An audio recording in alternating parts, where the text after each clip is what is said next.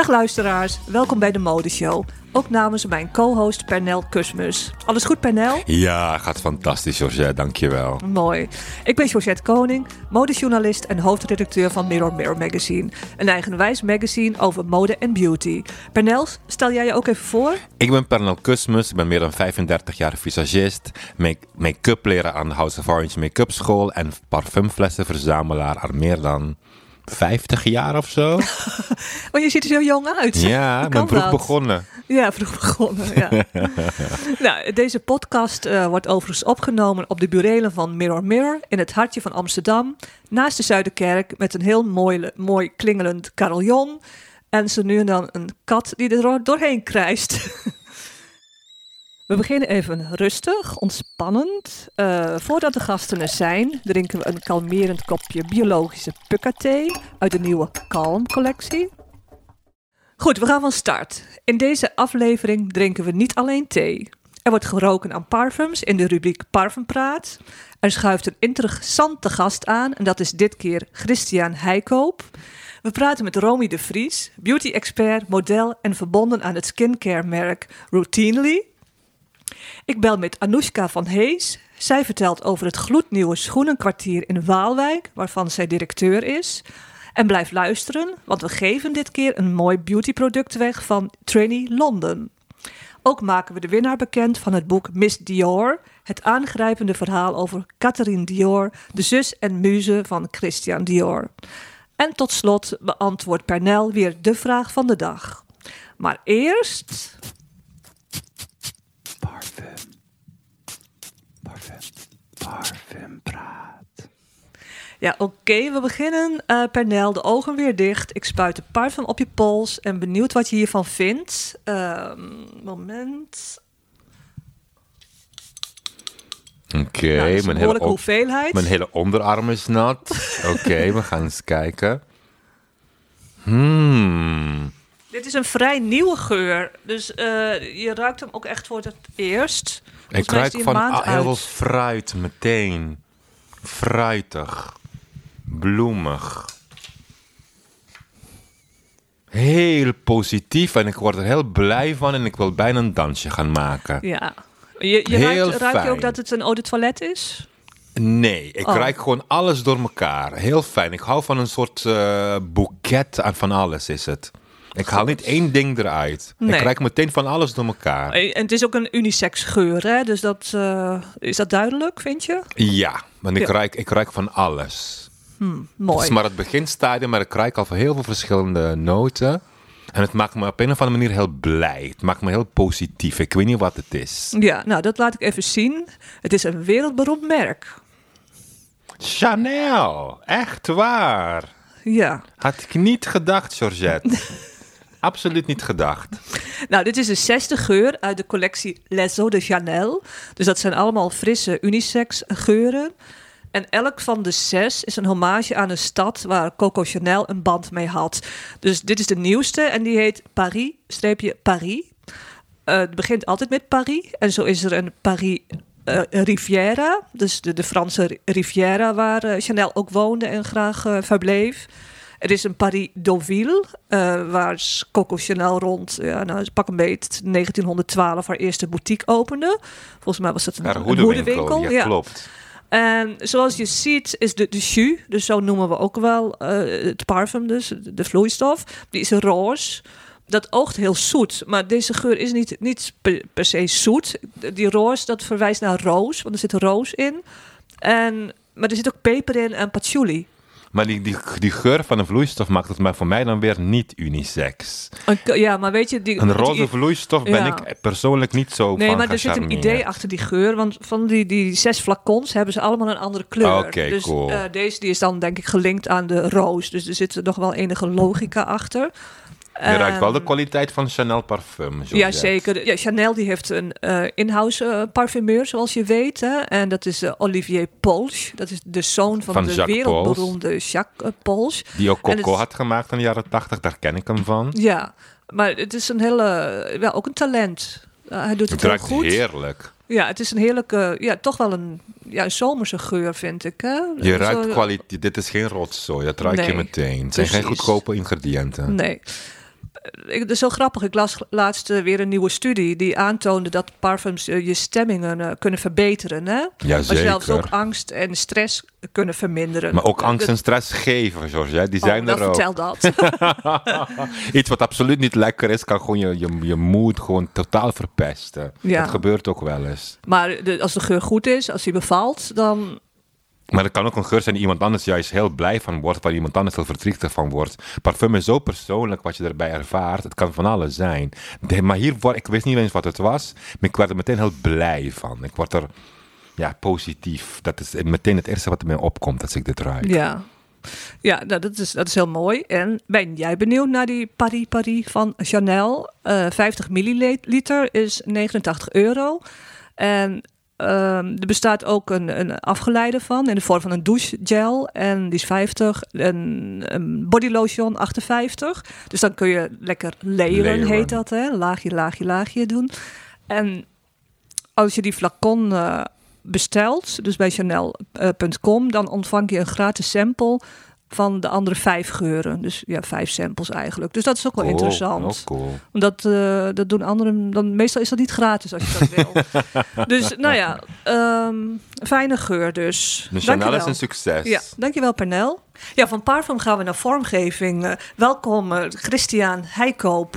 Eh, Christian is productdesigner. Klopt. En hij heeft een achtergrond in de mode. Ja. En vooral design natuurlijk. En onlangs eh, lanceerde hij een tassenmerk. En dat heet Maiden. En dat spel je M-A-E-D-E-N. Eh, Christian, jij, wordt, jij werd hiervoor benaderd. Ehm, dus voor het opzetten van een merk. Nou, dat, dat klinkt al super eh, ja, exclusief. Door wie werd je gevraagd en, en wat is het doel? Ehm, ik denk drie jaar geleden ben ik benaderd door de leerindustrie in Nederland. Door eigenlijk een atelier in het zuiden van het land en een leerlooierij in het oosten. En die hadden eigenlijk de vraag van... Nederland, in Nederland hebben we heel erg grote, in, echt een hele rijke geschiedenis aan, eh, aan leerindustrie. En ze vroegen van hoe kunnen we dit naar de tijd van nu brengen? Van de leerindustrie verdwijnt, de looierij verdwijnen. Hoe maken we het weer relevant?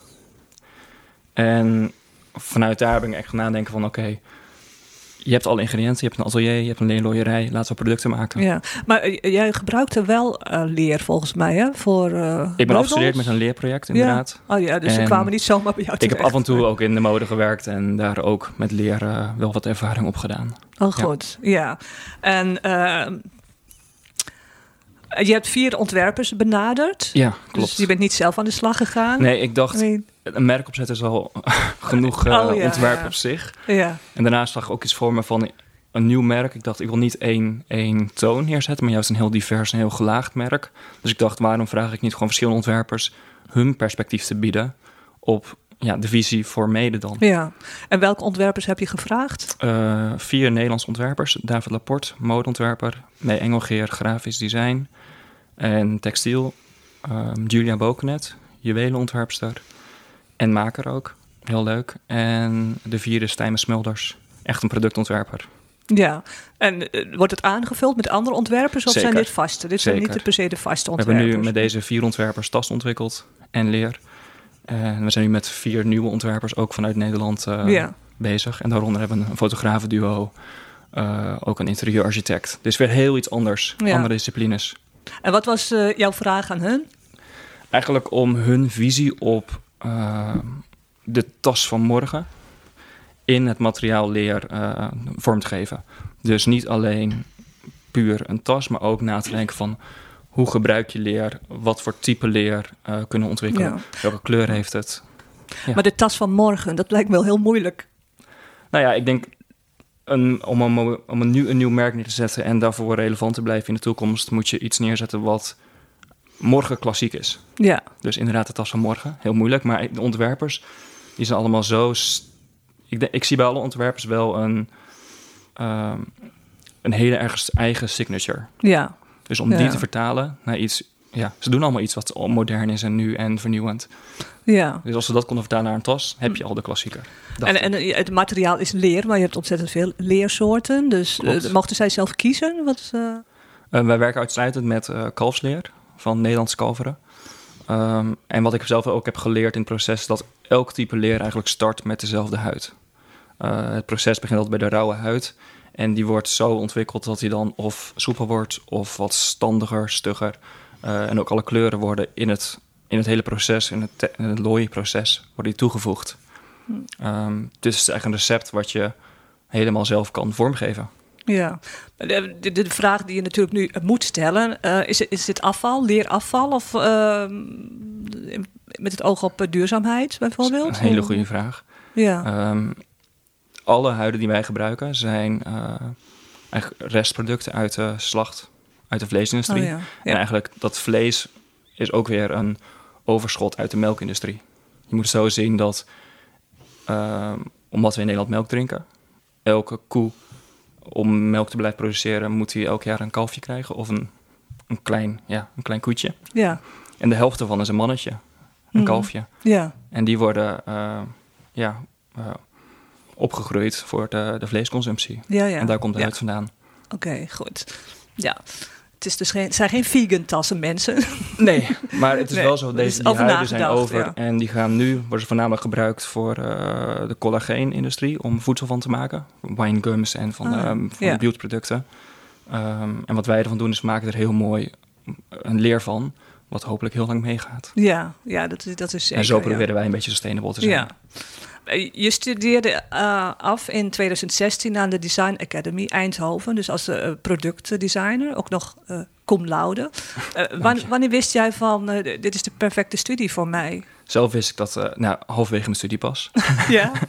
maar hoe kom je sowieso op de, de Design Academy? Is nog niet de bekendste Nee, totaal niet, school? Eh, ik wist er ook niet vanaf. Ik heb het echt te danken aan mijn beeldend vormgeving lerares, mevrouw Ja. Meeuwse, van de middelbare school. Ik weet, ze gaf mij gewoon een, een boekje in de handen van, ga hier maar even kijken. Die, die had eh, bepaalde... Die zag, het Talenten ook wel in, die zag het wel in mij, ja. Ja, na al Ja. die jaren, zes jaar gymnasium. Ja. Oké, oh, dat is dan een hele dan totaal dan andere wel richting. kennen. Ja. Dus eh, dat zag ze denk ik wel in mij. Ja. Ja. En ehm, ja, dit is de, de huispoes, eh, zeg maar. Hè? Die doet het ook altijd gezellig mee. Maar had jij na het afstuderen ook meteen een stijl ontwikkeld? Ik denk dat ik vooral heel erg nieuwsgierig was na het Hmm. afstuderen. Ehm, nog steeds ben ik heel erg zoekende naar wat is je stijl Ja. en wat, wat voeg je. Bij, op de Design Aca- Academy leer je heel erg ehm, wat zie je in de wereld en hoe speel je daar zelf op in als persoon. Zeg maar, hoe creëer je voor jezelf daar werk in? Eh, hoe maak je jezelf als die ontwerper relevant? En ik denk met die vraag ben ik ook af- echt afgestudeerd van oké, wat ga ik nu doen? Ja. Ehm, dus stijl ontwikkelen. eh, ja, ja. nee. Je, je hebt wel duidelijk Ik weet wat, ik, ik, voorkeur. weet wat ja. ik mooi vind. Ja, je Maar houdt ik wel denk van... ook, een stijl eh, ontwikkelt zich ook door de jaren heen natuurlijk. Ja, zeker. Ja. Maar op eerste ja, oog is het wel vrij minimalistisch, eh, helder, eh, grafisch. Ik denk zeker dat, dat, dat mijn werk nu inderdaad... De, de uitkomst van is heel minimal, beetje, misschien wel minimalistisch. Maar de insteek is altijd... ik heb een voorliefde voor werken met industrie. Dus met machines, met... eh, met machines, maar ook met echt ambachtsmensen. Ja, En ik vraag ook altijd van, oké, wat zijn de mogelijkheden? Wat kunnen we doen samen? Wat, wat, wat past het beste bij het materiaal of bij de machines? En daardoor ga je heel erg naar de essentie van, eh, van ontwerpen, van wat, wat is mogelijk. ja. Als je daarvan uit gaat ontwerpen, dan wordt je, meestal worden het hele kleine ingrepen in het materiaal, wat dan het ontwerp maakt.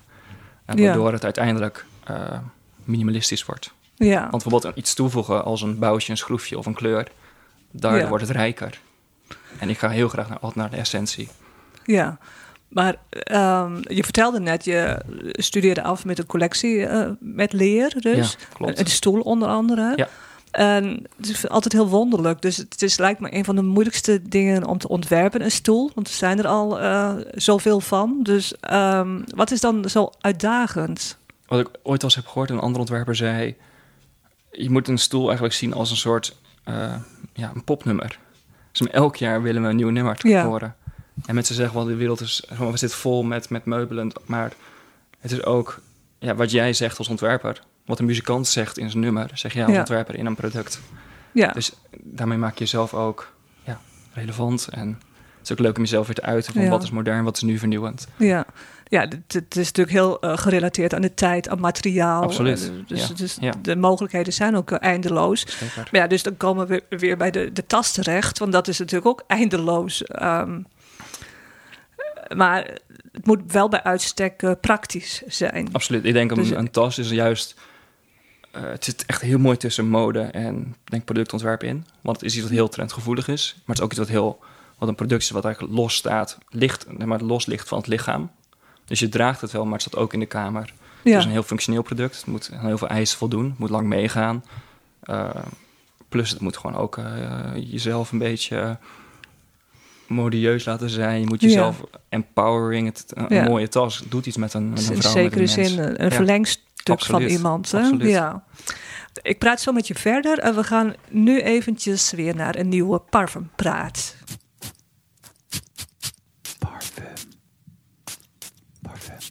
Parfumpraat. Ja, Penel, we beginnen. Benieuwd wat je vindt van deze geur. Komt-ie? Oké.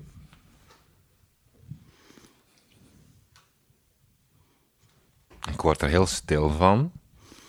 Eh, is, eh, heb ik genoeg eh, gespoten? Ja, ik, ik ruik iets totaal anders dan die Chanel. Veel meer gesofisticeerd en veel specialer. Iets wat ik nog nooit eerder heb geroken, de Georgette. Ik ben zeer benieuwd wat dit is. Nog een keer, wat is mijn eerste indruk? Chic, chic. duur en gesofisticeerd. Dat is het Ja. eerste wat in me opkomt. Een bloemenparfum. Nee, ik ruik geen bloemen. Daarom juist. Ik- Penel ruikt nog een keer. Want het heet namelijk Aqua Magnolia. Maar Magnolia haal ik er echt niet uit. Hmm. Ik zou niet weten hoe een Magnolia ruikt. Waarschijnlijk is dat het. Ja, dat, dat zal het zijn. Dat, eh, maar ja, ehm, heel goed. ja. Ontzettend lekker. Maar dat, dat je het niet kent, dat eh, begrijp ik. Het is een Argentijns merk eh, uit Patagonië. Lees Patagonië maar. dat is heel dat. ver weg. Heel ver weg. Agua Magnoliana. En hoe heet dat merk? Ik Er heb staat erboven. Ik heb mijn bril oh, dat, niet op. dat staat. dat, dat is even zien. Fuegia. Fuegia 1833. Agua Magnoliana. Spreek ik dat goed uit, denk je? De Fuegia? Ik moet mijn andere bril opzetten, want anders kan ik het echt niet lezen. Er staat erop... Fuegia. Oh, Fuegia 1833. Ja. Agua Magnoliana. Ja. En dan staat er nog een nummer op. Patagonië, wat bijzonder. je ziet ook dat het, dat het eh, met de hand is Jop. Eh, opgeschreven. en dat er ook een, een, nummer staat. Hè? Want dit zijn eh, allemaal gelimiteerde geuren. Maar ja, het bestaat sinds eh, 2010, opgericht door een de, eh, Julian Bedel in Buenos Aires. En Julian Argentinië, Bedel zal het Oh. zijn. Argentinië is de bron van inspiratie voor al zijn geuren. Dus in dit geval eh, de natuur.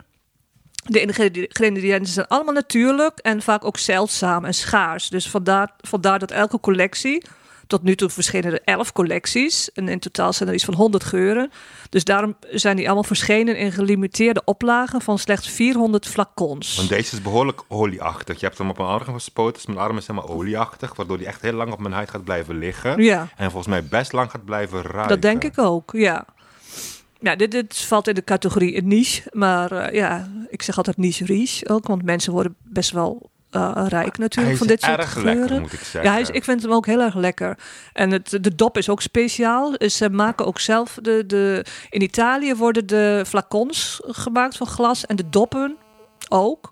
En als je het koopt, dan zit het verpakt in een heel mooi houten doosje. Heel erg mooi. Ik ben zeer benieuwd wat ze hiervoor vragen. Ja, hier hangt een prijskaartje aan. Hè? Dat eh, heb je wel door. Want het is maar volgens mij maar, hoeveel zit hierin? 15 milliliter? Ja, maar die prijs die heb ik niet. Maar de prijs voor 50 milliliter is 190 euro. 190 voor 50. Ja. Oké. Maar het is echt een goede geur. Je doet er ook echt lang mee. Het is long lasting.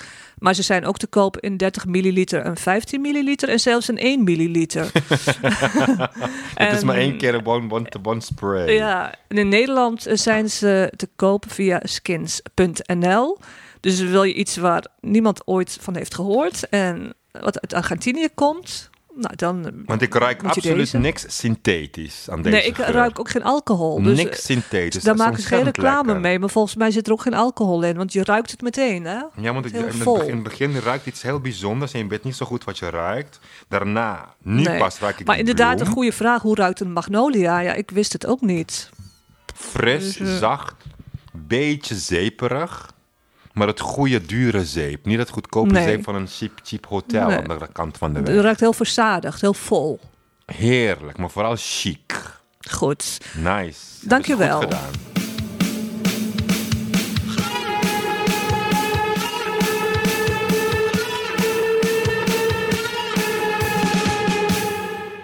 Inmiddels is Romy de Vries aangeschoven. En Romy is Head of Product Development, oftewel hoofdproductontwikkeling van het Nederlandse Belgische huidverzorgingsmerk Routinely. Welkom Romy. Hi, leuk om er te zijn. Ja, hartstikke leuk dat je er bent. Ja. Maar dat lijkt me een heel interessant eh, vak, eh, productontwikkeling. Ja, Dus is- meedenken over nadenken, uitvoeren van nieuwe producten. Klinkt ook heel specifiek. Eh, eh, hoe ben je hier ingerold?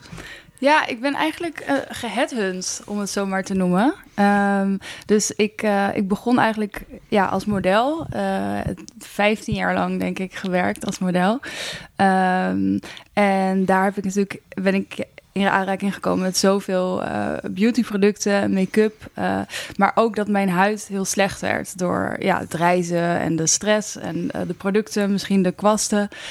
zoveel factoren die je niet echt onder controle hebt. Dus toen wilde ik eigenlijk een soort van uitzoeken, once and for all, van wat werkt nou wel en wat werkt nou niet. Want er waren ook zoveel gemixte berichten over wat nou wel werkt en niet werkt. En zoveel marketingverhalen die niet klopten. En ik werd daar gewoon een beetje gek van. Dus dat was mijn frustratie. eh, waar ik eigenlijk toen een paar jaar lang research heb gedaan naar van nou, wat is feitelijk, wat is niet feitelijk. En daar heb ik toen een Instagram over gemaakt. En Hmm. Soft Glow Skincare heet dat. En dat is denk En ik noem het nog eens. Soft Glow Skincare. Ja. Ehm, waar ik gewoon eigenlijk onafhankelijk mijn bevindingen deelde. Eh, en dat, dat eh, werd gezien door eh, een van de co-founders van Routinely. En zij, zij zag dat, dat een influencer mij deelde. Ehm, en toen dacht ze, nou, dan is het wel credible. Ja. En toen heeft ze mij gebeld en toen zei ze, nou, we willen eigenlijk eh, met jou praten om eh, consultancy voor ons te gaan doen met productontwikkeling. Dus zo ben ik eigenlijk begonnen, eh, freelance. Ehm, en ze zei van, ja, dat zijn precies dezelfde waardes eigenlijk die jij hebt, zijn onze waardes ook. Oh ja. Ehm, want ik, ben, ik sta best wel duidelijk voor dingen. En ehm, ja, dat, dat, dat vond zij eigenlijk ook. En toen zei ze van, nou ja, laten we gewoon een paar maanden lang eh, werken en kijken of het een match is. En dat, toen was het een match. En toen, toen zei ze van, nou, ik wil eigenlijk gewoon dat je hoofdproductontwikkeling wordt. Zo. Ja, Nou, ja heel leuk. dat is leuk. Dat is een leuke Ja. baan, hè, PNL? Heel chic. Ja. Heel chic. Het Ja. was ook gewoon voor mij echt een big deal, omdat ik zeg maar een van de co- co-founders die komt van L'Oréal bijvoorbeeld. Dus het was, ik dacht echt zo van wauw, dat is wel. Ja, Ja. dan krijg je die erkenning Dus of zo echt- waar je heel ja. hard voor hebt gewerkt. En er is kennis in ieder geval. Het is niet dat je van, van scratch eh, af eh, begint. Precies, ja. Dus eh, het was ja heel bijzonder. Ja. wil je trouwens een, een kopje thee? Bukka thee? Lijkt me heerlijk. Wat Goed, heb je voor smaken? Ja, dit is Joy. Oh, dat klinkt is super. Kalmerend. Ja.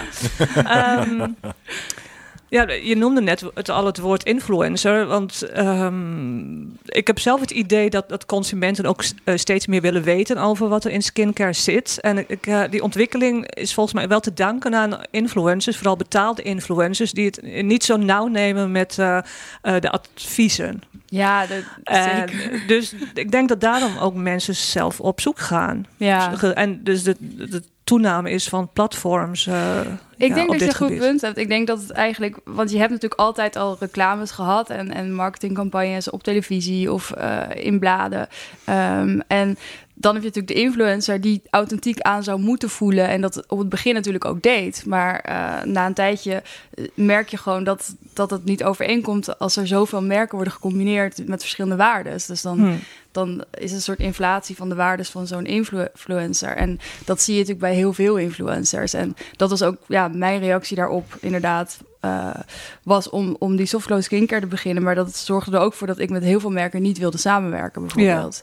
Ja, dus je hebt Ehm, vaak nee gezegd. Ja, Ja, zeker. ook van merken waarvan je al wist dat je het niet echt hoeft uit te zoeken. Ja, ja, ja, zeker. Als het heel massaal is bijvoorbeeld. Ja, ja, en ik moet wel zeggen dat ik nu ik steeds meer en meer weet en met meer wetenschappers ook praat de laatste jaren bij Routinely, kom ik daar ook op sommige dingen weer terug. Weet je wel, je blijft Ja. ook gewoon leren. Want ik was Mm. bijvoorbeeld heel erg tegen eh, alcohol in skincare. Eh, alleen de uitdrogende variant. Ja, want Ehm, alcohol is heel belangrijk, hè? Kun je uitleggen waarom? Ja, om zeg maar, eh, het is voornamelijk om een product wat dunner te maken, zodat het niet een soort dikke laag, vettige laag achterlaat. Dus het is eigenlijk een soort vetoplosser. Hm. Ehm, maar het is ja, binnen een soort van de clean beauty eh, movement, die de afgelopen vier, vijf jaar eh, Ja, eh, steeds groter wordt, heb je gewoon een, een soort zwarte lijst aan ingrediënten. En ik was eerst ook een beetje zo van, oh ja, geen alcohol, stond er ook op. Ja, geen Ja. alcohol, geen Ja. Parabenen. Pa- ja, parabenen. Nou, ik was een beetje, een beetje genuanceerder dan dat. Want Ja. ik, ik wist ook dat parabenen hebben dus feitelijk niks tegen zich. In de, Nee. Maar het is meer marketing. Precies, ja. Ehm, ondertussen weten we dat, dat het mag ook niet schadelijk meer is. trouwens, hè? Maar eh, eh, merken mogen dat niet meer op een verpakking zetten. Maar Ja. ja, toch eh, Klopt, binnen is het Europa. eh, al geschied, denk ik. ja, Eh, ik denk dat dat wordt niet heel nauw gecheckt, denk ik. Je krijgt een Nee. waarschuwing en dan mag je het weer Ja. veranderen. Dus ik het denk komt dat- erop neer, er zijn heel veel typen parabenen vooral. Ja, er, is, er is geen één parabeen eh, wat slecht is eigenlijk. Maar er zijn eh, een aantal slechte studies gedaan... waarin gezegd wordt... oh, dat, dat was kankerverwekkend. Ehm het is ook heel tricky altijd om hierover te praten, vind ik zelf hoor. Maar het is wel echt bewezen dat er... zeg maar, er is geen verband gelegd tussen kanker en parabenen. Hm. Eh, maar omdat er eh, een aantal studies niet goed waren uitgevoerd... en mensen zijn natuurlijk dan heel snel bang... ja. Ehm, eh, wordt die nuance niet meer gezien. En binnen marketing kan je dat heel goed uitbuiten. Want angst is, dat, dat, dat, dat is gewoon een veel betere eh, Ja. verkoper dan eh, vertrouwen. Ja, ja Dus- ja, nou, ik, interviewde een poos geleden Liza Eldridge. En die, die was echt eh, verbaasd eh, hoeveel er wordt geloofd. Ja. En, en nog steeds. Ze zegt dat gaat ook nooit weg. Dus, ja, maar ik denk eh, meer dan ooit. Want Ja. als je kijkt naar misinformatie, is natuurlijk groter dan ooit op het moment. En Ja, Eh, kijk, ik snap wel waar dat wantrouwen vandaan komt. Zeg maar, in, als je bekijkt, politiek bekijkt. Maar politiek is geen wetenschap. Zeg maar. Wetenschap gaat juist heel erg om de waarheid. En eh, die is constant in ontwikkeling. En als er weer nieuw onderzoek is, eh, dat wordt door allerlei andere wetenschappers gecheckt. Of er fouten gemaakt worden. Het is super genuanceerd. ja. Maar daarom die vertaalslag eh, is natuurlijk altijd een vertaalslag. En eh, weet je wel, voor mensen die geen wetenschapper zijn, moet je iets uitleggen op een wat simpelere manier. Dus dat kan geïnterpreteerd worden op een verkeerde manier. Ja. En dat gebeurt gewoon ook vaak. Alleen dat is oké als het niet intentional is, maar merken doen dat ook expres. Die Ja. zeggen, oh, geen siliconen, geen parabenen, geen eh, al die dingen. Ehm, omdat mensen daar bang voor zijn. Eh, maar dan creëer je natuurlijk heel veel angst. En het Hmm. ligt gewoon echt veel genuanceerder dan dat. ja. Eh, maar ik was eerst ook heel erg zo van... nee, al die dingen niet. La- weet je, better safe than sorry.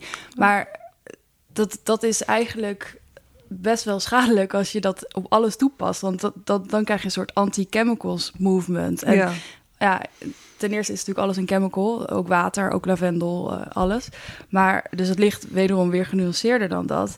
Ehm, en het gaat over andere dingen. Het gaat over sustainability. Het gaat over eh, eh, eh, die, de afdruk die je achterlaat als merk. Het gaat Ja. over of het schadelijk is voor dieren en mensen. En dat wordt ook allemaal gecheckt. Daar zijn instituten voor. ja. Dus er, precies, er staat ja. niet zo heel veel onveilige skincare Nee. op, dat, op de markt. Zeg maar, dat is echt een uitzondering als dat gebeurt. Ja, maar in ieder geval meteen de tip, verdiep, verdiep je er wel even in als, als consument. Hè? Tuurlijk, Ehm, ja.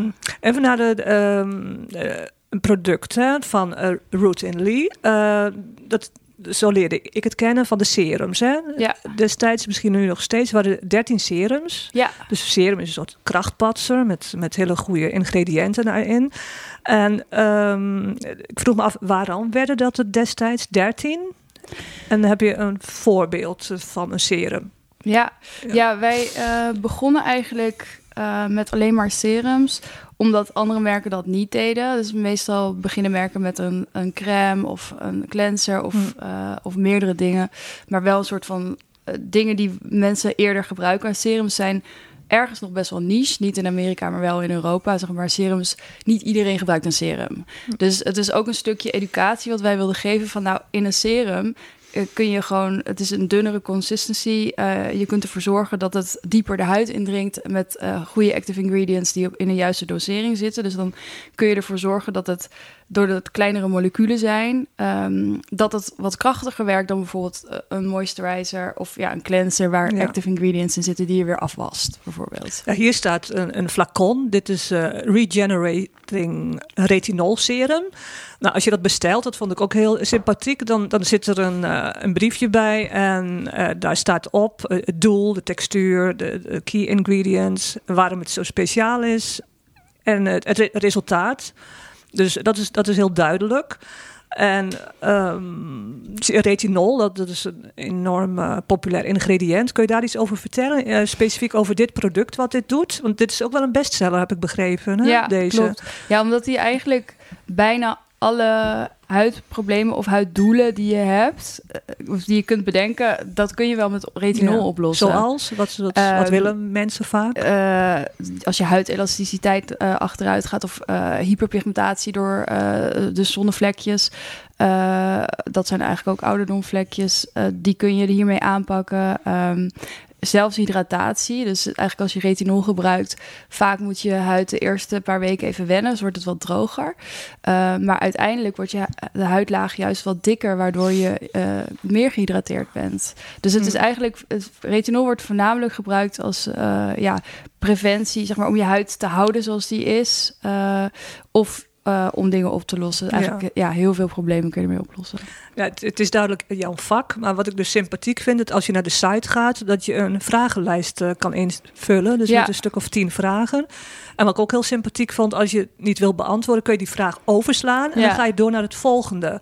Want daar word ik altijd gek van als ik dat ergens zie en dan haak ik af. Maar dus, dat kan hier wel. En, en ja, er wordt er een, eh, ja, het resultaat eh, komt eruit, of hoe noem je dat? Ja, je advies eigenlijk. Inderdaad, je, je persoonlijke huidadvies. Dus ehm, we hebben een algoritme gemaakt, daar heb ik ook aan meegewerkt. ehm, die eigenlijk ja, allerlei. ehm, dus bij elke vraag triggert weer andere. Ja, zoals een vraag is, eh, het uitgangspunt is de gevoeligheid. Huidtype natuurlijk. Je hebt inderdaad Ja. je huidtype en dan staat er een omschrijving waar je in kan herkennen of niet. En als je dat niet begrijpt, dan kan je ook met ons chatten van, nou, ik weet niet wat mijn huidtype is, dan kunnen we je Ja. ook helpen. Ehm, en inderdaad, huidgevoeligheid, dat is ook belangrijk voor ons. Kijk, in principe zijn al onze eh, eh, producten voor gevoelige huid geformuleerd, maar die, je hebt wel dingen zoals ehm, ja, een exfoliant zou ik dan niet zo snel aanraden voor iemand met een gevoelige huid. In principe is hij is hij veilig getest voor ook voor gevoelige huid, maar ik zou hem zelf in ja, die test is gewoon heel erg ehm, ja, meer safe. En we hebben ook gewoon andere dingen die goed werken. Dus dan eh, voor mensen met echt gevoelige huid. Vandaar dat er ook een gradatie zit binnen die gevoelige Ja. huid. Ja. Ik kijk naar jouw huid. Het ziet er heel, heel mooi uit. Je hebt een glow, een jaloersmakende glow. Dankjewel. Eh, heb je, gebruik je ook make-up nu? Of is Ja, dit... eh, Ja, ik Ja? heb hier nu over, ehm, even kijken, van Westman Atelier. oh ja, dat ken ik. Amerikaans merk. Ja. Ja. ze heeft van die sticks, Ja. foundation sticks. Foundation ja. sticks. Die Ja. kun je mengen, Ja, volgens mij. meng ik ook, ja. Nou, dat is heel goed gedaan. Dus alweer een tip, eh, luisteraars. En Ja. dat, dat is volgens mij alleen te koop bij Skins, Skins. Cosmetics en eh, online ook. Ja. Is een heel mooi merk. ja, Beetje prijzig. wel prijzig. Ja. Hoe, hoe, hoe zit het met die prijzen van eh Routinely? Dat, dat valt volgens mij wel mee. Ja, we hebben heel erg ons best gedaan. Want eh, kijk, we worden geproduceerd in eh, Europa. Eh, packaging, ook alles eigenlijk. Ja. Eh, dat betekent dat het. Dat dat wat prijziger is dan dat je dat buiten Europa gaat doen. Eh. Dus het hangt natuurlijk vanaf waar hoor. Maar in- we wilden daarvoor kiezen vanwege de sustainability eh, claims. Niet, niet dat we harde claims maken, maar we proberen gewoon ons best te doen om, ehm, ja. om daar ja, om het beste te doen voor de planeet. En dat, dat, want je kan natuurlijk niet iets goed doen voor de planeet als je producten maakt. Want je, je maakt iets. maakt iets. Ja, hoe dan ook. Ja. Dus je moet het dan op de best mogelijke manier Ja. doen. Ehm, Maar dus de prijzen zijn eigenlijk zo laag mogelijk als je kijkt naar de productie. En dat is ook iets waar wij, Ja. eh, wat onze volgende stap is, is om dat transparant te gaan maken. Oh, dus goed. Ja. wij willen eigenlijk een soort van laten zien ehm, in een illustratie of iets van, nou, dit, dit- zo is deze Ja. prijs opgebouwd. Want er worden best wel gemixte eh, reviews over de prijs. Sommige mensen Ja. zijn dan. eh, Want wat is de prijs? Dus, een serum is 29,90. Ja, dat Ehm, klinkt toch best wel Klinkt heel sympathiek. redelijk. Voor Ja. een serum Ja. vind ik dus ook. Want Ja. eigenlijk als je kijkt naar heel veel Franse merken... zit dat echt rond de 60 euro, Ja. toch? De serum is meteen heel vaak het duurste product uit de lijn. Precies, omdat het gewoon... Er zitten meer active ingredients in. Het is, het is wat target, meer targeted. Ja. Eh, onze cleanser is 22 euro. Ik vind dat ook heel redelijk. En- Ja, want dat, dat gaan we het nu over, over hebben. Want eh, iets is net uit, hè? De- daar heb jij aan gewerkt ook. Ja. Dus daar mag je trots op zijn. Ja, ook zijn heel. twee producten. De Guardian Cream. En dus een diepe, diepe moisturizer. En een balm cleanser. Ja. Dus misschien kan je daar iets over vertellen nu. Het ziet er heel mooi uit. Ja, wat een beetje de challenge was, ehm, was omdat we natuurlijk serums zijn Mooi, hè? bij ons heel erg gepersonaliseerd. Dus wij hebben eh, die skin test is voor personalisatie. Dus het gaat erom. ehm, ergens is het ook modulair. Van oké, nou, dit seizoen voel ik dit voor mijn huid. Ik heb deze huiddoelen, dus ik doe de test. Dit komt eruit. Dit is de serum 1, 2, 3 serums wat jij wilt, die ik ga gebruiken. Eh, dat is initieel ons, ons, ons businessplan Ja, natuurlijk. dus de- voor de duidelijkheid, je kan meerdere serums eh, gebruiken. Ja, alles kun je combineren. Ja, dat is ook wat ons sterk maakt eh, ten opzichte van goedkopere serummerken. Is dat het heel stabiel is. Dus je kunt alles met elkaar combineren. Maar dus het is eigenlijk zo dat je die personalisatie kunt vinden in de serums. Dus het was voor mij best wel een challenge om dan een cleanser en een moisturizer te gaan ontwikkelen die eigenlijk voor iedereen zou moeten werken. En dat is, dat is echt wel heel moeilijk. Dus dat, daar hebben we ook best lang over gedaan. Ehm, maar ik dacht, oké, nou, cleanser. Als je gewoon een normale foam cleanser hebt, daar ka- kan je gewoon niet je make-up mee afhalen. Dat is te waterig, toch? Je hebt vet nodig om Ja. je make-up af te halen. Of, of doekjes of micellar water. Ja. Ehm, en ik wilde eigenlijk alles in één. Dus eigenlijk een, een dubbele cleanser in één. Ehm, ik ben zelf heel erg van eh, de Korean eh, methode. Dat je eerst een oil cleanser gebruikt eh, en dan een, eh, een ehm, water-based cleanser. Eh, en ik dacht van, nou, als we dat in één ding kunnen krijgen, Hmm. dat zou fantastisch zijn. En dat is Oh gelukt. ja, dus het is ook nog een uniek eh, product. Ja, ik denk Ja. het wel. Ik, ik, niet dat ik weet dat er andere producten zijn die dat kunnen. Andere Eh, merken, ja. niet dat ik weet. Ehm, ik heb meestal, ik heb veel research gedaan. En de meeste oil cleansers of balm cleansers hebben wel iets van een ehm, zeepachtig iets erin, dat het witter wordt. Maar dan heb je altijd nog een soort laagje, waardoor ik wil dan meestal gewoon nog een tweede cleanse Ja. doen. En dat heb ik hier niet bij. ja, Dus, eh, dat klinkt wel interessant, hè? Klinkt super fijn, want double cleaning is natuurlijk het, het nieuwe trend. Je, Ja. je make-up afhalen met een olieformule ja. en dan die olie ervan afhalen met een waterformule. En je hebt ze allebei in één product. ja. Ja. Ik ben heel benieuwd. Ja, Maar ook. waar ik eigenlijk heel blij word als ik naar je verpakking kijk, dat het gewoon recycled is. Daar Ja. word ik echt heel blij van. Ja. Want ik vind het heel fijn, alle hele goede producten, goede strategie, ik snap het allemaal. Maar de cosmetica maakt zoveel wegwerpspullen Ja. dat ik er bang van word. Als ik naar Ja. mijn eigen spullen kijk, ik heb zoveel plastic in mijn tas en ik moet het Ja. allemaal een keer weggooien. En ik weet niet wat ermee gebeurt. En ik zie dat jullie producten zijn gerecycled. Ja, 100% recycled. Vind en, ik heel fijn. Is dat een nieuwe tendens, denk je, voor cosmetica? Ja, Ja, dat, nou ja, ik zeker. mag hopen van wel. Maar ik moet wel is zeggen... ja, heel veel greenwashing, denk ik al, wel Dat aan de hand. zeggen. Want die maar- a- aantal doosjes en flesjes en tubetjes dat Ja, ik het nog is weg moet gooien in plastic. Ik word er bijna bang Ja. van dat ik allemaal weggooi. Ja, Ja. want bij, bij ons is het dus 100% recycled en recyclable. Dus dat zijn ook, weet je, je moet natuurlijk, ja, dat zijn twee verschillende dingen. Mhm. Eh, en dat is dus, we hebben een supplier gevonden die dat doet, maar er zijn echt bijna geen suppliers die dat nog doen. Nee. Dus ik denk dat, ik hoop dat dat groeit. ja, ik hoop het Eh, ook. Maar dat is dus best technisch schijnbaar best wel lastig om te doen. ja. Eh, maar het moet. ja. Dat moet, vind ik. ja, het moet zeker. Ja. Ja. Ja, en, en tot slot, dat vond ik heel opmerkelijk, dat het staat op de site. Dus als je één of meerdere eh, serums koopt en die, dat je ze 30 dagen mag proberen. En als het niet bevalt, dan stuur je ze terug en dan krijg je geld terug. Ja, maar dat is omdat wij. Voor Europa heel Dat is, uniek. eh, heel in uniek. Amerika kennen En we dat wel. Van eh, Europa heb ik dat nog nooit gehoord dat dat ja. kan. Ja, het komt omdat we heel veel vertrouwen hebben in onze producten. En, eh, en ja, we willen ook gewoon dat mensen tevreden zijn. Het, we, hebben ook, we zitten heel erg op customer service. Dus als jij een vraag stelt, dan krijg je echt een, een enorm boekwerk en een antwoord terug. zeg maar. Van jou. Van, on- ja, i- mij, Ja, eh, maar, indirect ja. van mij. Ja. Ja. Ehm, en eh, ja, we hebben een heel team hoor. Maar Ja. er zijn zeker vragen die mij ook worden gesteld. Ja. Eh, en ja, dit is gewoon eigenlijk... Dat vertrouwen komt ook omdat wij ehm, onafhankelijke klinische testen hebben gedaan naar al onze producten. Eh, en dat is iets wat bijvoorbeeld een, een groot merk als L'Oréal natuurlijk wel allemaal doet. Maar als je een klein merk bent, is dat niet heel logisch, want het is best duur. Maar we hebben daarin geïnvesteerd omdat we gewoon zeker wilden weten dat onze formules werkten. Want je hebt natuurlijk. eh, je kan wel ingrediënten erin gooien die werken, wetenschappelijk bewezen zijn om te werken. Maar het is net als met koken. Zeg maar, je hebt een paar ja. En Je laat tien koks een, eh, met dezelfde ingrediënten iets maken. Dat zijn tien hele andere gerechten. Dus de een is lekker, de ander niet. Nou, dat is hetzelfde met wer- werkzaamheid. Eh, je moet het wel testen. Ja. Dus Ja. ja. Nou, het is heel, heel sympathiek in ieder geval. En- dank voor alle informatie. En ja, als dank voor je komst krijg je ook een mooie doos met pukka-thee. En Oh. geniet ervan. En je krijgt het eh, nieuwste Mirror Mirror nummer. super. Dankjewel. Bedankt. Dankjewel. Doeg. Parfum. Parfum. Parfum praat. Ja, Pernel, kom maar op met eh, je pols. Eh, Komt-ie? Oké, we gaan het ruiken. Het schoot wat uit, dus een beetje veel. Wow. Spicy, meteen. Spicy, spicy. Peper. Ik ruik meteen peper. Heel scherp. Maar deze geur die bevat een ingrediënt. Eh, dat is een groente. En ik zie die groente ook steeds vaker eh, opduiken in parfums. Nu word ik wel heel benieuwd als je zegt een groente, wat dit zal zijn. Waarschijnlijk, want ik ruik meteen iets wat niet normaal in parfum zit.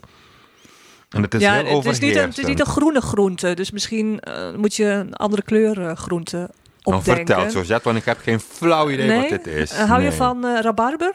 Ja, rabarberkompot vind ik ontzettend lekker. Nou, dat zit hierin. Dat is dat scherpe wat ik ruik. Ja, dat is denk ik ja, toch die peper Ik ruik peper. En nu je zegt van rabarber, wordt die steeds wat zachter, die peper. Maar wat mij opviel is toch wel de zoetheid ook. Nee, ik ruik vooral iets heel scherps. Hier moet je echt van houden. Ja. De meeste mensen zullen hiervan schrikken, moet ik Ja? zeggen. Ja. Hmm. Heb je een idee van het merk? Dus nee, het is heel moeilijk nee, hoor. Nee, dit kan echt iedereen zijn. Nou, eh, maar misschien wel onverwacht. Het is een eh, geur van Molten Brown.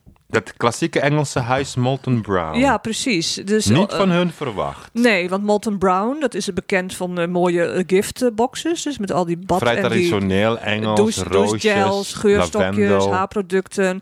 Ik noem het altijd een beetje de luxe, betere uitvoeringen van het goedkope Rituals. Ehm, eh, het merk is ooit opgericht in 1971 en het was toen een haarsalon. Eh, Die gevestigd was in South Molton Street in Londen. Dus vandaar de naam South Molton. Wat zeg ik nou? Of niet? Molten Brown dus, ja. En het heet eh, Delicious Rhubarb en Rose. Dus roos, dus misschien is het een pittige roos. Hier is de flacon. De roos haal ik er nu pas uit, Georgette, na even op mijn huid te hebben gelegen. Ja, maar die, maar die rabarber, dat zoete, Ja, bijzonder. Alsof ik mijn kompot van met rabarber eh, heb opengemaakt. Mijn kompotpotje. je wil hem opeten eigenlijk. ja, bijna. Het is heel gourmand, zoals ze dat noemen. Oh ja, zo noemen. Dat is een eh, type geur, hè? Ja, Je hebt gourmand, wat heb je nog meer? oef, van alles. Het blijft bij mij nooit hangen. Fougère. Oef, Chypre, Fougère, Oosters. Je hebt zoveel benamingen, maar ik hou niet van die benamingen. Want iedereen ervaart het wel anders. Als i- iets wat iemand heel Oosters vindt, kan een ander dat wel heel fris Hmm. Ja. vinden. Maar de parfumerie vindt het heel makkelijk natuurlijk om Ja, alles ze in moet- een ze ho- moeten- hokje ze moeten het een naam plaatsen. geven. hè? Ja. Maar Maar die Molten Brown is een verrassing, Georgette. ja, nou, deze geur die is ook eh, verkrijgbaar als geurstokjes en badschuim enzovoort. en in Nederland te koop in de Bijenkorf of via moltenbrown.co.uk. Heerlijk. Dank je. Zo, ik ben weer terug bij onze gast, eh, productontwerper Christian Heikoop, die onlangs het tassenmerk Meden lanceerde. Eh, check het ook even online, ehm, meden.nl, dus met AE. En, en Christian, zoals je al vertelde, je werd benaderd. Ehm, was je uit jezelf ook op het idee gekomen om ooit een keer een tassencollectie te ontwerpen, denk je? Je schudt al nee. Nee, nooit. Nee? Nooit. Nee. Ik vind het wel zo mooi eigenlijk dat je dan door het proces dan eh, dat het op je pad komt. En als je daar dan je weg in vindt. Zo Hmm. denk ik ook dat, dat ik wel ook wel vaak ontwerp. Dus ik ontwerp vaak, ik begin bij materiaal. En dan vanuit daar komt het ontwerp naar voren. Dus je begint bij leer. eh, en, en dan denk je nou, oké, wat kunnen we met leer maken? Ehm, en ik dacht van, oké, iedereen, iedereen, wat een product dat relevant is nu en in de toekomst, is, dacht ik, ja, een tas. En daar kan je ook iets mee zeggen. Je Ja. kan er iets moderns van maken, je kan er iets modieus van maken. Heel veel mensen hebben een mening over. Dus dit is wel, dacht ik, een, product waarmee we de, de industrie, of ook de Nederlandse designindustrie, maar ook de Nederlandse leder, leerindustrie, zeg maar iets van een, een, ja, een oemf kunnen geven van, van hé hey, kijk, dit doen we, dit Ja. kunnen we. Ja. ja, jij weet het niet, maar Pernel misschien ook niet. Maar in het vorige leven was ik een, een tasontwerper, of ja, accessoiresontwerper, zeg maar. En ik woonde in Parijs en eh, dat was een, een bloeiende carrière, kan ik wel zeggen.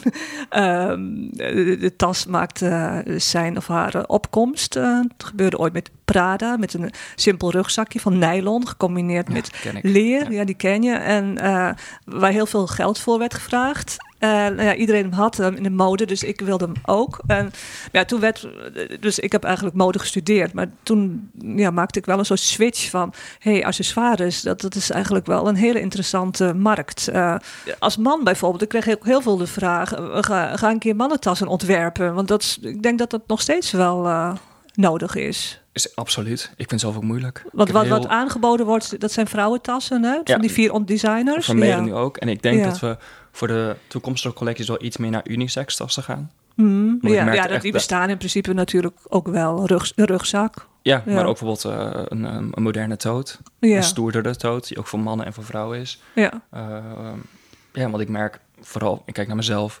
Ik loop al jaren met een rugtas rond. Gewoon Ja. ortliep. Gewoon een functioneel grote zak op je rug. ja. Maar om die te vervangen naar een, een, een, een modieuze... eh, Handtas. ja, Pernel, wat draag Die- jij? Ik heb altijd gewoon een vrij makkelijke tas bij me waar ik ook mijn boodschappen mee kan doen. ja, de duffel. Ik Oh, heb zoiets, ja, als ik naar buiten ga met een tas, moet die tas overal voor kunnen ze dienen. Ja. Het moet er mooi uitzien, het moet fijn bij mijn kleren passen, maar ik moet ook gewoon bij de Albert Heijn of wat dan ook. Maar het is ook wel erg Al mijn groot, boodschappen groot erin is die. Nee, hij valt mee. Oh. Hij is niet zo heel groot. Hij is kleiner dan een hold-all, kleiner dan een, eh, Ja. Een, ja, kleiner dan een Ja. rugzak. Het is Ja. net een middenmaat, die vind ik wel fijn. Maar, maar voor jouw werk eh, heb jij ook Heb ik een specifieke... enorme grote eh, roltas ja, maar ook heb ik van dan die, nodig. eh, wat je om je middel, middel doet, weet je? Nee, die Is- doe ik jij niet. dat? Zeg maar zo'n kla- dat? zo'n klassieke visagist. eh, Zo'n klassieke brush. Zo'n je- eh, Nee, ik heb niet zo'n klassieke ding. Vooral om je taille vind ik niet fijn. Oké. Nee, ik vind ja. het niet fijn. Dat kan ook een markt zijn, hè? Ja. Make-up tassen zijn heel veel verschillende dingen in te koop. Het is echt een eh, gat in de markt. Ja. Mooie Ja, make-up tassen ja. maken. Zullen we het meenemen? Yup. Ja, dus ik zag destijds nog de opkomst van de zogenaamde It-bag. Dus dat begon dus met die Prada-rugtas. daarna een schoudertas van Fendi. En wat ik ook zag, was de prijzen die omhoog schoten. En omdat ik in het vak eh, zat, eh, ja, wist ik ook hoe gigantisch veel daaraan eh, verdiend werd natuurlijk. Hè? Dus inmiddels, ja, ik kocht ook zo blind een tas van 1600 tot eh, 2000 euro. Ik vond dat echt heel normaal. Maar ik moet zeggen, er is wel wat veranderd. Ik vind dat nu niet meer normaal eigenlijk. Dus of dan moet ik wel heel zeker zijn van mijn zaak.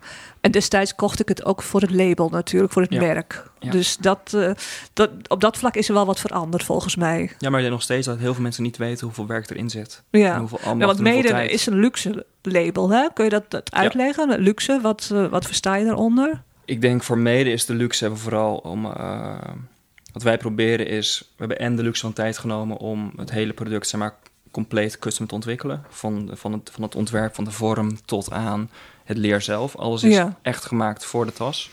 Eh, en daarnaast proberen we ook luxe op een nieuwe manier te benaderen... door eigenlijk ehm, het merk eigenlijk te bouwen op de normen en waarden van nu. Dus echt te kijken van oké, hoe kun je luxe zijn in de vorm van, van merk. En dan kijken we dus naar eh, sustainability.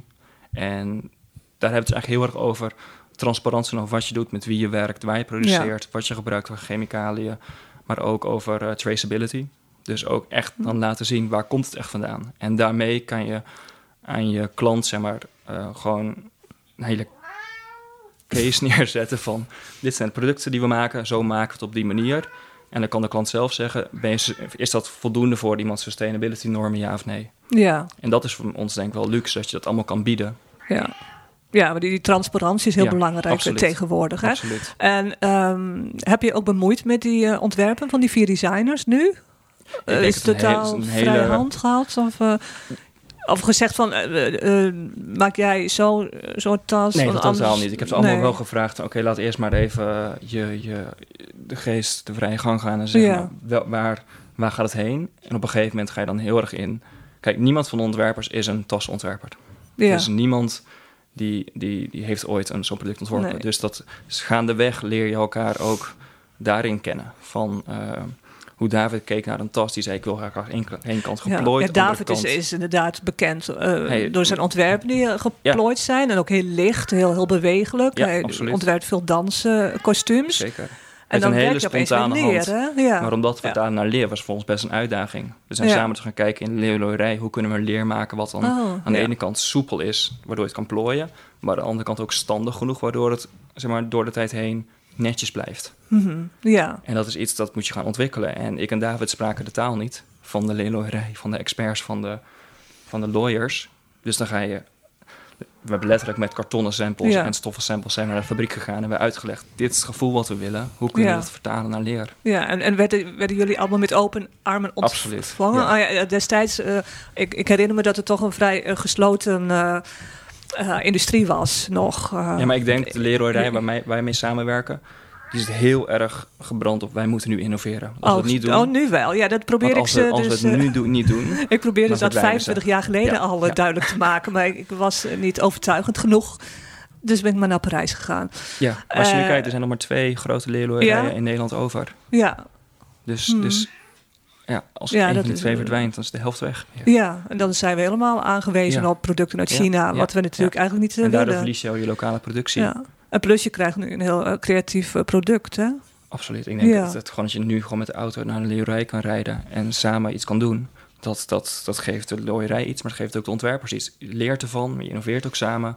En er komt voor ons ook, ja, wat we nu zien, vier tassen uit die voor ons allemaal nieuw zijn. Ja. Ja, ze zijn heel bijzonder. Dus eh, ga vooral naar die site en, en kijken, luisteraar.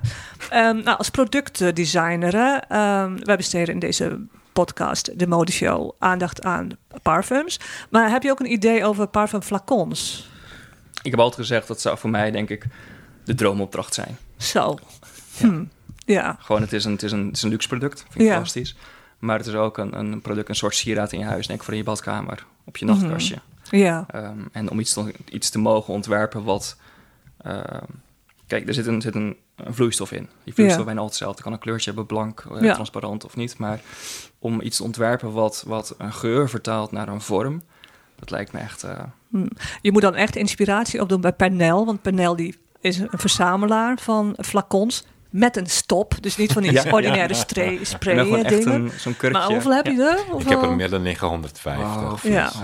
Echt, Ik vind het leuk dat je eh, dat je, zegt, je dat- ziet, het wordt al helemaal wild. Ik vind het leuk dat jij dat zegt dat je een droomopdracht zou vinden. Maar wat zou jij dan maken? Want als ik naar de parfumerie ga, in de jaren tachtig ben ik beginnen met verzamelen. Toen had elke geur een bepaalde fles. Inderdaad, je zag wat die geur rook naar de vorm van de fles. Tegenwoordig hebben alle niche-merken, alle dure merken, hebben gewoon een vierkant flesje. Alles ligt op Ja. elkaar en het, Ja. Het, het nodigt mij niet uit om te kopen. Dus hoe zou je dat doen? Hoe zou je een nieuwe flesje ont- eh, ontwerpen? Wat zou jij maken? Daar ben ik heel benieuwd. Weet je, dit is een interessant onderwerp. We gaan hier gewoon nog een keer op door, Pernel. Dan nodigen we je nog een keer uit. En dan gaan we in, eh, meer in op het eh, design. Maar hartstikke leuk dat je gast wilde zijn. En ehm, dus tot de volgende keer. Ja. En als dank krijg je pukka thee en het laatste nummer van Mirror Mirror. Dankjewel, superleuk. Ja. Leuk Nou, dat tot ziens. Ja. Het is weer tijd voor eh, ons modebelletje. Met Anouk van Hees. Hoi, Anoushka van Hees, eh, directeur van het Schoenenkwartier dat op 28 juni opent in Waalwijk. Ja, klopt helemaal. Hallo. Ehm, ja, hallo. Maar, maar zeg eens, eh, Schoenenkwartier, dat klinkt groots. Kun je uitleggen wat hier allemaal te zien is en wat het, wat het inhoudt? Ja, ja, nou het Schoenenkwartier is een eh, museum wat eh, ontstaan is eh, vanuit het oude Schoenen- en Ledermuseum in Waalwijk. Dat was altijd klein en nu hebben we vijf en half jaar gewerkt aan de opening van een heel groot nieuw museaal concept. En dat is inderdaad het schoenenkwartier, want we zijn meer dan een museum. Dus we hebben ook maaklabs en een heel groot kenniscentrum onder andere. Dus dat is inderdaad wel een heel stuk eh, qua schaalvergroting, een heel stuk meer dan wat het voorheen altijd is geweest. Ja, en eh, je noemde al eh, dat er een museum was. Ehm, eh, dus er is een collectie en die is gebleven, neem ik aan dan ook. Dat is een basis. Ja, ja, onze eigen collectie van meer dan 20.000 voorwerpen is, eh, is altijd gewoon onze basis geweest. En dat, die collectie is al ontstaan in 1953. Dus zo lang bestaan we al als eh, schoenen- en ledenmuseum met onze eigen collectie die steeds gegroeid is. Ja. En nu dus een totaal eh, andere locatie. Als ik zo lees, Raadhuisplein, dat klinkt heel centraal. Ja, ja wij, zijn, eh, wij zijn de laatste 20 jaar, 25 jaar zijn wij eh, gelokaliseerd geweest op het eh, industrieterrein in Waalwijk. In een oude schoenenfabriek, Pinocchio, voor heel veel mensen wel bekend. En dat was eigenlijk onze voorma- voormalige locatie van ons schoen, leder- en schoenenmuseum. En nu zijn we sinds, nou ja, in februari hebben we de sleutel gekregen van een heel groot nieuw pand midden in het centrum van Waalwijk. En dat is ook het centrum van de schoenen- en lederindustrie in Nederland altijd geweest. Maar we zijn nu midden op het Raadhuisplein in de westelijke vleugel van het uh, hebben we nu eh, intrek genomen. En dat is een eh, rijksmonument, dat is een heel mooi architectonisch complex eigenlijk wat het Raadhuisplein in een U-vorm tekent. En wij hebben de westelijke vleugel nu tot onze beschikking gekregen. Ja, je, je, je zei het net al. Dus Waalwijk, Waalwijk en omgeving, dat was vroeger een aanzienlijke... Ja, dat was een schoenenindustrie gevestigd. Een aanzienlijke schoenenindustrie, toch? Ja, klopt. Ja. ja, dit is echt van oudsher, echt vanuit de 17, eh, 1750 ongeveer, zo rekenen wij een beetje, is eigenlijk de leerproductie hier ontzettend eh, eh, gegroeid. En eh, vanuit leerproductie is ook de schoenproductie gekomen. En dat kwam eigenlijk omdat we een ontzettend grote eh, hoeveelheid eh, eikenbossen hadden. Een heel mooi eh, eh, slagerlandschap en helder stromend water en natuurlijk veel veeteelt. En zo is eigenlijk het leer als restproduct van de veeteelt is hier eh, bewerkt. En is eh, kunnen gewassen kunnen worden in de heldere beekjes die hier ook eh, veel te vinden nog zijn. Dat slagerlandschap waar, waar ik over sprak. En uit op de leerproductie is, zijn, is ook de schoenproductie gekomen. Dus het is eigenlijk een hele eeuwenoude traditie die hier in Waalwijk in de Langstraat al sinds eh, jaar en dag ja, is geweest. Ja. En dan, sinds de jaren tachtig is het wel eh teloor gegaan omdat de productie naar hè, lage lonenlanden over het algemeen is verhuisd. Maar Waalwijk is nog steeds een heel groot centrum, maar dan vooral op het gebied van handel in het eh leer- en schoenenwaren. Dus eh, we zijn nog steeds een heel grote speler op dat internationale vlak, maar niet meer zozeer in de productie. ja. Je noemde net ook ehm, maaklabs, hè? dus dat, dat is ook een onderdeel van het schoenenkwartier. Eh, Ja. moet ik mij dan voorstellen dat je daar aan de slag kan als eh, bezoeker? Ja, ja zeker. We hebben, we hebben ons nieuwe museale concept echt eh, samen ontwikkeld met, eh, met een heel stel experts op het gebied van ambachtsmusea ook. En onze eigen conservatoren. En we hebben ook heel goed samen gekeken naar het Glasmuseum bijvoorbeeld, maar ook zeker naar het Textielmuseum. En dat zijn ambachtsmusea waar ook een glasblazerij zit en het Textiellab, voor heel veel mensen wel bekend. En daar hebben we veel mee samengewerkt en ook mee, goed mee afgekeken. Um, om te kijken hoe uh, zij dat hebben opgezet qua uh, organisatie, qua makerslab, om het maar zo te zeggen. Dus wij gaan hier ook veel werken met uh, um, ontwerpers, makers, opleidingen. En ja, met ons eigen personeel natuurlijk ook. Om ook met de branche ook de connectie te maken. Om eventueel opdrachten zelfs uit te kunnen schrijven hier. En ja. samen te kunnen werken. Ja, dat is een heel mooi idee. Um, kun je ook vertellen wat de eerste expositie is die iedereen kan zien? Ja, we beginnen met Put on Your Red Shoes. Dat is een tentoonstelling uh, die gaat over de, het verband tussen schoenen en muziek vanaf de jaren 50. Hmm. Dus we hebben onze tentoonstelling opgedeeld in uh, drie velden. En dat handelt eigenlijk over de idol, icon en influencer. Nou, dat, voor een deel zal het wel vanzelfspreken. Hè. De idol gaat het over de individuele iconen, qua die artiesten ook zijn en die ook hun mode daar veel op af hebben uh, gestemd. He, Ziggy Stardust bijvoorbeeld. Dus ze hebben schoenen van allerlei mooie grote artiesten wereldwijd. Die kenmerkende schoenen hebben we hier op de tentoonstelling staan. Er zijn en in het ja, even onderbreken. Sorry? Er zijn overigens best wel veel jonge designers die uh, bijvoorbeeld ooit schoenen hebben uh, ja, uitgeleend aan, aan Lady Gaga. Hè? Of, of hebben ontworpen ja. voor haar. Ja, dus is dat ook te zien dan? speciaal hebben ontworpen, zeker. Ja, we hebben een aantal werken inderdaad voor Lady Gaga van verschillende Nederlandse ontwerpers inderdaad. Dat Ja. klopt. Maar ook van een aantal buitenlandse ontwerpers. Maar Lady Gaga is inderdaad zeker ook, hè, ik noemde net Ziggy Stardust, maar Lady Gaga is natuurlijk ook een hele kenmerkende Ja, ehm, eh, artiest die veel eh, aan extravagantie doet. Dus eh, nee, dat klopt. Ja, zeker. Eh, veel Nederlandse ontwerpers en dat kennen mensen veel uit het, het touch design. Maar ook eh, de mode is inmiddels wel heel bekend dat dat Nederlandse grote namen zijn die wereldwijd faam maken. Maar inmiddels weten we ook dat er een heel aantal schoenontwerpers echt internationale faam hebben en veel worden opgepikt door grote sterren. ja. En krijgen bezoekers ook nog iets mee van schoenentrends? Schoenen trends, jazeker. Ja, ja, we hebben hier in het Maaklab zijn we natuurlijk veel aan het experimenteren. Dus daar zit veel jong talent die eh, eh, eh, in de Maaklabs actief zijn. We hebben heel veel workshops met allerlei verschillende leuke namen op het gebied van sneakerpimpen, eh, sneakercleanen, eh nou, ontwerpen ook.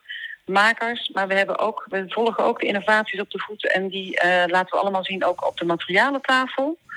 Dus we zijn ook veel eh, met ons oog eh, bezig om het ook open te houden voor eh, innovaties. leerinnovaties, allerlei verschillende alternatieven. Dus leeralternatieven. Het is een mycelium, kennen veel mensen wel. We hebben een sample van bloedleer bijvoorbeeld. Maar er zijn allerlei verschillende soorten nieuwe ontwikkelingen. Augmented reality, hè, dus ook het Ja. virtuele gaan laten we natuurlijk ook zien. Dus er zijn op heel veel verschillende manieren hebben we oog voor eh, de trends en ook de toekomstvisie op eh, schoengebied. Zeker. Ja. Nou, 3D-printing, ja. nou, ik ga kijken. Ehm, dus heel veel dank voor je toelichting. en tot hoe lang eh, duurt deze expositie? Onze openingstentoonstelling duurt tot 5 februari 2023. Dus eh, nou, ruim de tijd, zou ik zeggen. Kan niemand eh, missen. Nou, ik hoop het, ik Ja. hoop het. Maar we hebben meer te zien dan alleen maar de tentoonstelling. Hè. We hebben vol 3000 vierkante meter eh, tentoonstellingsruimte voor eh, onze collectie en onze tijdelijke tentoonstellingen. Oh, dus dan moet je wel een dag eh, voor uittrekken, zo te horen. Ja, ik kan je, ik kan je best, dag, ja. best adviseren om in ieder geval een dagje Waalwijk ervan te maken. Ja, ja. Ja. Nou, hartstikke leuk. Heel veel dank voor je toelichting. Tot ziens. Nou, heel graag gedaan. Oké, hartelijk dank voor jullie aandacht. Nou, we zijn aanbeland bij de vraag van de dag. En Pernel, eh, deze keer afkomstig van de Sterren de Groot.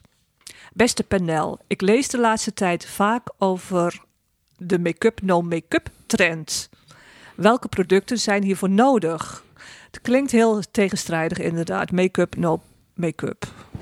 Vertel eens. Het is inderdaad een tendens die al jaren gaat, zeg maar. De no make-up look. Dat betekent dat je gewoon de make-up eigenlijk niet zichtbaar mag zijn. Maar je moet er heel goed uitzien. Dat verandert per persoon. Sommige mensen vinden een no make-up look full foundation, full poeder en heel weinig pigment. Dus weinig kleur. Geen En blush bijvoorbeeld. Geen blush, geen, Geen oogschaduw, maar wel mascara, lipgloss, foundation, poeder en Eh, concealer. Dat vind ik niet echt make-up no make-up. Ja, want ze willen er goed uitzien zonder dat je make-up ziet. En als je foundation goed opbrengt, zie je het eigenlijk niet. Hm. En voor sommige mensen is no make-up make-up echt zeer weinig. Een gekleurde, een gekleurde dagcrème, een klein beetje bronzer en je wenkbrauwen borstelen. No make-up. Ga je fotograferen, no make-up make-up look, moet je heel veel producten gebruiken.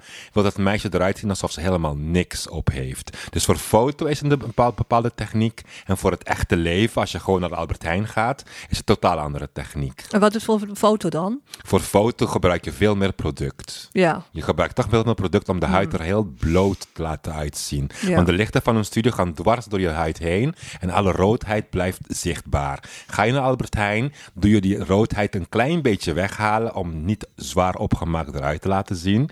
Maar het, je kan best wel smokkelen. Een beetje concealer, een beetje blush, een beetje mascara. Maar gewoon heel erg weinig. Is Klinkt niet heel eenvoudig. Het is ook niet eenvoudig. Nee. Het is makkelijker om een rode lippenstift op te doen. Drie kleuren oogschaduw en een hele felle blush. Dat is eigenlijk veel makkelijker. Dan jij gaat met make-up heel sumier te doen dat bijna het niet opvalt. Ik zie het als ik het zie, want het is de bedoeling dat je het natuurlijk niet echt ziet, maar dan zijn, is toch wel een trend onder eh, ja, twintigers, Ja, meisjes. zo heel Ja, weinig op Heel doen. weinig. Ja, Die doen- klopt. en, maar wel glow. Dat is dan weer heel Ze willen belangrijk. altijd glanzen, maar de glans is heel mooi op een jonge huid. Onder je twintigste is het heel mooi als ze begint te glimmen. Ben je over de 30, 40, is het niet meer mooi om te Nou, glimmen. Gehoord, eh, dames? Doe er iets mee. Ja, nou, dank voor je heldere antwoord, panel. Yo, welkom. Dan gaan we nu eh, de winnaar trekken van het Miss Dior boek. Eh, er staat hier een gouden beker en Pernel die schudt al.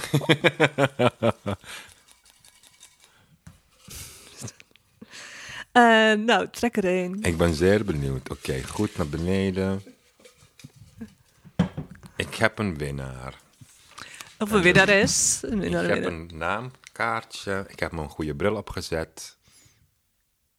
En de winnares is Lisa Dana Alena. Als ik het die? goed eh, lees, Georgette. Oh ja, Selena. Lisa Dana Selena. Selena. Nou, Jij bent de winnaar. ja, die, heeft een, eh, die krijgt een mooi boek. Ik heb het uit inmiddels. Het is echt een aanrader. Miss Dior, dus de zus van eh, Christian Dior. haar levensverhaal wordt hierin verteld. En dat is wel een aangrijpend levensverhaal. En we geven wel weer een mooi product weg. Nu een mooi nieuw product. Dat is Lip to Cheek. Een multifunctioneel product van Trini London. En dat kun je zowel gebruiken op de lippen als op de jukbeenderen. Dat is ook een trend, hè? Het is ook een goede voor de no make-up make-up look. Ja, zeker. Dezelfde ja. kleur op je lippen als op je wangen, maar ook een beetje op je ogen. Kun je het ook Ja. nog eens een keer doen. De Trini, ken jij Trini trouwens nog? Ja, het is een, het is een vrij dat is, eh, eh, jong, eh, debuterend merk uit Londen. Ja. Die best wel veel aan het doen zijn. Maar Trini zelf, hè, die, die is echt eh, wereldberoemd. Die heeft heel goed gecashed met eh, een programma. Ik herinner het me nog van een jaar of... eh, volgens mij begon, nou dat herinner ik me niet, maar het begon zoiets van eh, misschien wel bijna 30 jaar geleden. Oké. Dus dat was het programma eh, Trini en Susanna.